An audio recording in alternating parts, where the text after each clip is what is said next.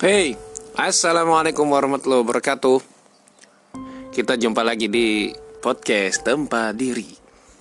Ah, kali ini ku pengen ngomong tentang film Joker ya, yang ya tentu saja Joker ini karakter dari komik DC yang difilmkan sendiri karena uh, sebelum-sebelumnya dia selalu jadi apa ya bukan bukan pemeran tunggal lah ya. Karena biasanya dia masuk di Batman dan yang di film Suicide Squad itu kan dia juga bagian dari squad itu squad bunuh diri itu. Walaupun di situ jokernya yang berbeda-beda dan tentu saja yang memerankan juga berbeda. Yang paling menurut gua keren banget sih emang Heath Ledger sih ya yang dia itu adalah film terakhirnya dia. Uh, yang kata Christian Bale itu katanya Heath Ledger saat memerankan Joker banyak melakukan improvisasi improvisasi improvisasi yang terbilang aneh banget gitu. Nah harapannya juga di Joker yang tahun 2019 2019 ini bakalan keren bakalan seru juga gitu ya dan memang diperankan oleh Joaquin Phoenix ini cukup menarik juga cukup uh, merepresentasikan karakter si Joker itu sendiri. Nah, sebetulnya gue baru nonton baru kemarin aja tanggal 6 Oktober karena selain emang pengen nonton juga penasaran gara-gara banyak yang review banyak yang ngepost quote-nya kan salah satunya quote-nya yang orang jahat itu adalah orang baik yang tersakiti gitu ya Terus ada lagi uh, review di IMDb itu juga per hari ini tuh ya per tanggal 7 Oktober ini reviewnya masih 9,0 gitu ya terakhir gue lihat. Kemarin 9,1 intinya banyak yang mengatakan film itu bagus. Tapi ada beberapa hal gitu ya yang perlu disorot karena film ini katanya menstimulasi orang untuk berbuat jahat. Dan memang quote-quote-nya itu memancing banget dan bagaimana seorang joker itu ditekan dia dibully gitu ya. E, nama nama nama panggilannya kan happy ya. Orang tuanya manggil dia happy. Sedangkan nama asli dia Arthur Fleck. Nah dia itu akhirnya mengalami berbagai e, pengalaman hidup yang membuat dia jadi seperti itu itulah jadi dikatakan gila sebenarnya enggak tapi dia seperti depresi berat gitu. Gue juga gak ngerti maksudnya gimana. Intinya orang ini berbahaya lah seperti itu. Karena dia mengalami berbagai kekecewaan kekecewaan merasa dibohongi dibully ditindas digunting dalam lipatan gitu kan. Ditusuk dari belakang dan lain sebagainya. Tapi gini ya kita terlalu banyak menyorot si Joker ini dan jangan sampai kita lupa bahwa ada beberapa hal yang perlu kita perhatikan gitu ya. Kalau gue yang pertama mau merhatiin, eh mau bahas satu pertama soal bagaimana pemerintah menjaga orang-orang dengan gangguan jiwa ODGJ gitu. Orang dengan gangguan jiwa, gimana pemerintah punya upaya nggak sih sebetulnya menjaga orang-orang ini? Ya bahasa kasarnya orang gila lah gitu. Ada nggak sih? Uh, upaya-upaya untuk betul-betul menjaga gitu ya. Sejujurnya gue juga nggak tahu pasti, cuma kita bisa melihat di sini di Gotham ini kan di kota Gotham ini kan si Joker bilang ya lebih suka terkurung di rumah sakit jiwa gitu ya karena di rumah sakit jiwa kan ya ada obatnya gitu ya ada pengobatan ada dokter dan sebagainya ketika dia keluar dia harus konsultasi terus kan sama apa sih itu psikiater apa apa ya? Petugas dinsos lah petugas dinas sosial. Yang mana dia bisa gratis konsultasi bisa ngobrol ya. Karena si Joker bilang butuh teman ngobrol lalu dia juga dapat obat gratis gitu. Ya obat yang bisa menenangkan dia. Dan dia di film itu uh, punya penyakit apa itu ketawa gitu kan. Oke jadi yang pertama, kalau misalnya kemudian pemerintah tidak punya upaya yang kuat, upaya yang baik untuk bisa menjaga atau bisa merawat orang-orang dengan gangguan jiwa itu, maka yang terjadi adalah seperti Joker. Berbahaya dia bagi orang-orang karena dia ini kan Joker ini butuh pendampingan ya butuh ya tadi teman ngobrol butuh lingkungan yang mendukung kondusif dan lain sebagainya supaya dia menjadi manusia yang waras lagi dan menjadi manusia yang berguna gitu loh. Tapi ternyata yang terjadi Joker ini tidak mendapatkan dukungan dari pihak mana pun bahkan ibunya. Ya setidak-tidaknya Joker itu menganggap ibunya itu ternyata berbohong dan ibunya mengecewakan dia.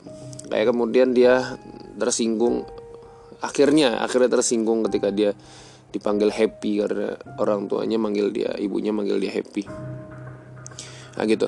Jadi betapa berbahayanya ketika misalnya ada orang dengan gangguan jiwa seperti itu tidak dilindungi oleh pemerintah. Sebetulnya BPJS kita melindungi ya. BPJS itu mengcover obat gangguan jiwa yang mana asuransi swasta itu sebetulnya juga nggak mengcover karena oh itu biaya untuk obatnya saja sangat mahal ada yang mungkin sampai jutaan gitu ya dan itu perlu diminum terus rutin selama berapa beberapa waktu gitu. Dan itu sangat mahal mungkin bisa menghabiskan satu juta atau lebih dalam eh, sebulan aja segitu gitu loh. Nah di kita di Indonesia ini setahu gue eh, BPJS mengcover itu. Lo kalau gila gitu ya. Lo kalau ada punya merasa punya gangguan jiwa atau gangguan mental atau apalah gitu. Dan itu sangat mengganggu lo dalam kehidupan lo aktivitas lo pekerjaan kuliah dan lain sebagainya. Lo bisa datang ke fase ke satu selama lo punya BPJS ini bukan promosi tapi ini kan program pemerintah. Kita wajib untuk mendukung ya. Nggak tahu kalau mahal nanti gimana gue juga nggak ngerti. Kalau makin mahal apakah perlu untuk bayar lagi gitu bayar iuran lagi? Gue juga nggak ngerti tapi yang jelas ini solusinya. Kalau misalnya lo merasa lo punya penyakit seperti itu, seperti joker gitu ya, lo bisa datang ke fase ke satu, ya, bilang saya dok saya gila nih gitu ya, saya punya gangguan mental dan lain sebagainya. Pokoknya saya terganggu sekali dengan ini. Nanti lo bisa dirujuk ke psikolog ya.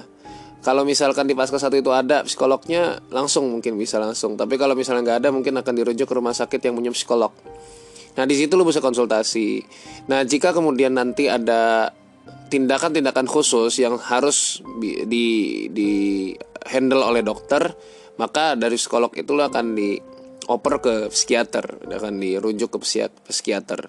Ya nggak usah nggak usah tanya lah ya bedanya psikolog sama psikiater apa. Gue nggak jelasin di sini cuma yang jelas psikolog itu bukan dokter. Kalau psikiater itu dokter spesialis penyakit jiwa. Nah gitu aja lah intinya psikolog itu tidak bisa ngasih obat nggak bisa ngasih resep. Kalau psikiater karena dia dokter jadi boleh. Nah seperti itu. Jadi dan nanti kalau misalnya dapat obat ada obat-obat yang mungkin eh, mahal itu ada yang tercover oleh BPJS ada yang mungkin nanti nambah sendiri dan itu mungkin bayar. Ya tergantung kelas BPJS-nya juga dan juga tergantung kategori obat yang di cover sama BPJS jadi nggak masalah nggak nggak jangan takut dan jangan bingung gitu loh mau ke mana. Nah tapi gue nggak ngerti penindakan gue eh, gue punya punya punya teman ya yang dia saudaranya tuh ODGJ orang dengan gangguan jiwa eh, gue pernah bilang kenapa nggak di rumah sakit jiwa aja? Katanya ternyata ada durasinya di rumah sakit jiwa itu. Nggak bisa selamanya di rumah sakit jiwa. Katanya sih gitu gue nggak tahu. Nanti kalau misalnya ada yang tahu bisa eh, hubungi gue lewat WA atau lewat DM Instagram juga bisa Insya Allah. Kita bisa bisa sharing-sharing. Oke itu yang pertama. Kemudian yang kedua butuh pendampingan tadi gue udah sebut.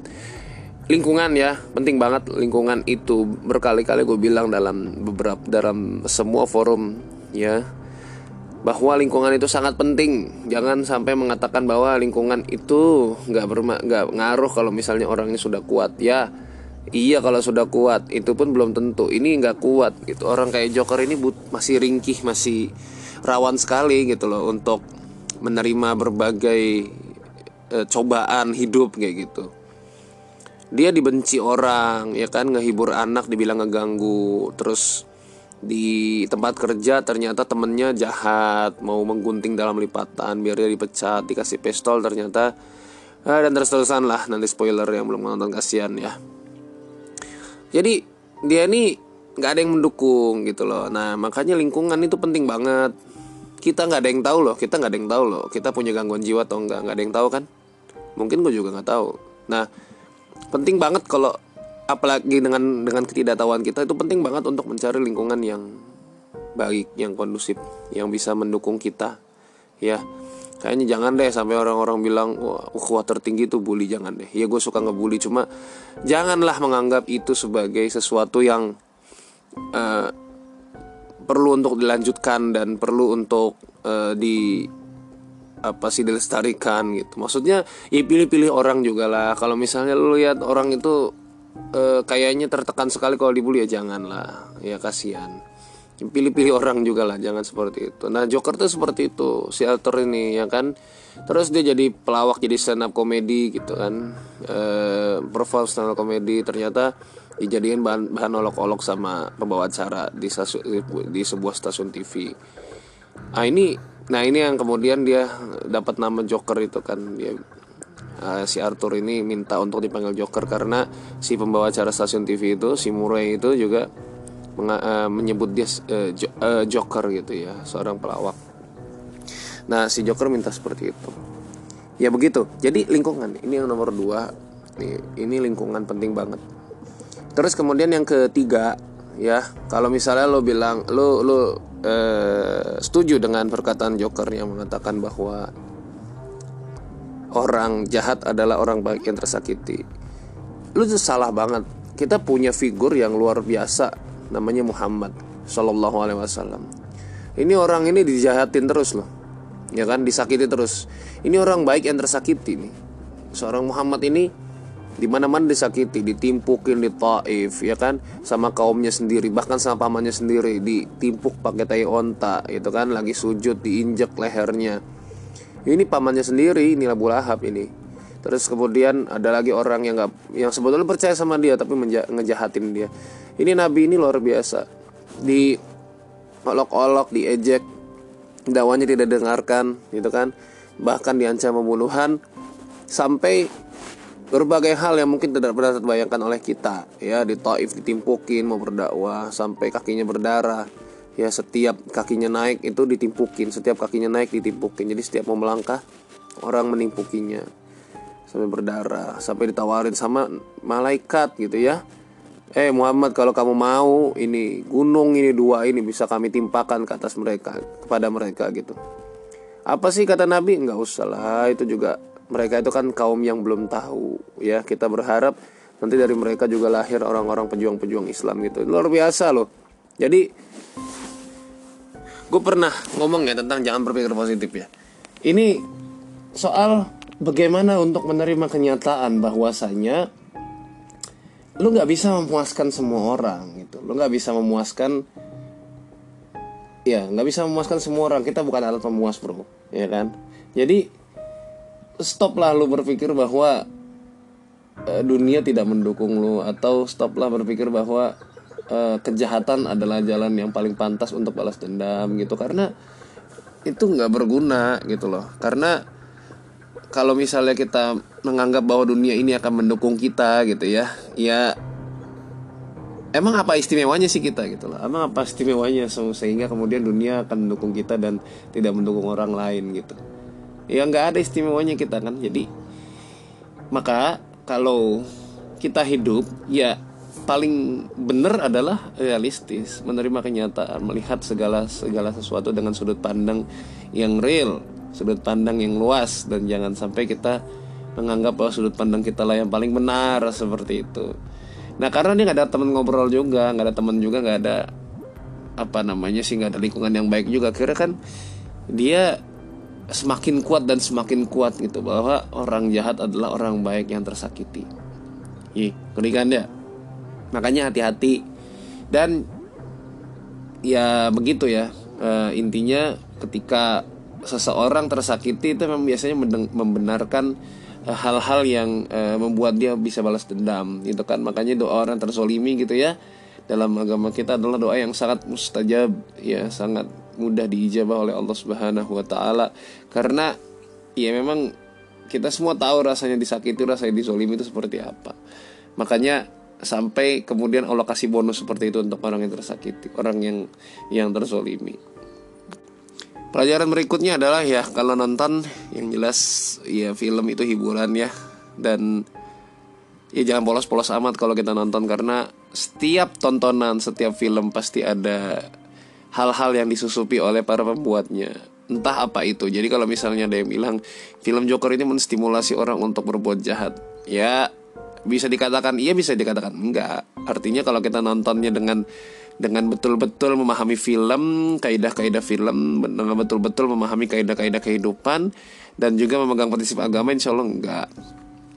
Tapi kalau misalnya ternyata i, eh, kok bisa mempengaruhi ya, ter, ya berarti memang yang nonton itu ya tadi gitu loh. Eh, mungkin nggak ngerti kaidah film, nggak punya prinsip dan sebagainya. Makanya hati-hati, jangan polos-polos amat dalam hidup ini ya. Walaupun hidup ini adalah senda gurau belaka, ya kan? Seperti sandiwara lah gitu kalau kata siapa sih? Niki Astria apa Niki sih itu? Niki Astria ya? Dunia ini panggung sandiwara ya kan? Oke seperti itu ya. Jadi itu sih sedikit aja tentang film Joker. Jadi recommended kan nih? Ya kalau gue sih sebagai orang yang seneng film ya recommended tapi kalau misalnya lo takut gak usah. Dan apa faedahnya lo nonton itu gitu aja. Kalau dengan itu lo bisa ngasih tahu ke orang-orang lebih banyak lebih luas ya silakan monggo aja. Cuma eh, gue secara ngerti eh, secara film ya recommended tapi secara uh, over uh, secara umum secara global apalagi secara uh, teman-teman yang muslim ya ya ngapain gitu loh. Kalau misalnya memang cuma pengen tahu doang mah nanti aja nunggu nunggu baca kan. Nggak ya nggak usah tonton aja sekalian gitu loh ya. Karena min husnil islamil mar'i tarkuhu malayakni ya. Di antara kebaikan orang-orang Islam adalah meninggalkan hal-hal yang gak berguna buat dia. Jadi udahlah. Kalau misalnya emang gak pengen nonton ya gak usah ikut-ikutan ya kan. Tapi kalau memang pengen tujuannya untuk uh, ya pengen membuktikan bahwa itu adalah banyak banyak hal-hal yang sebetulnya keliru dipandang oleh orang-orang. Ya nanti aja lah tunggu sampai ada bajakannya. Tunggu sampai bisa nonton selain di bioskop itu karena menguntungkan mereka juga. Itu aja sih intinya kalau gue sih. Ya soal Joker. Jadi itu. Semoga bermanfaat dan semoga bisa menjadi pelajaran buat kita semua bahwa hiburan bukan sekad, bukan cuma hiburan gitu loh. Ada sesuatu yang diajarkan di situ ada sesuatu yang disisipkan di situ untuk mungkin menjadi ideologi baru atau apa pun lah yang kemudian memang di setting oleh para pembuat film itu untuk menyusupkan ide-idenya mereka seperti itu. Semoga bermanfaat, semoga berkah, semoga sukses selalu buat teman-teman semua yang mendengarkan dan marilah kita saling mengingati, eh saling mengingati lagi, saling memperingati, saling memperingatkan, ya saling mengingatkan dalam kebaikan, dalam kebenaran dan juga dengan cara yang ma'ruf dengan cara kasih sayang. Oke? Okay? Demikian. Assalamualaikum warahmatullahi wabarakatuh.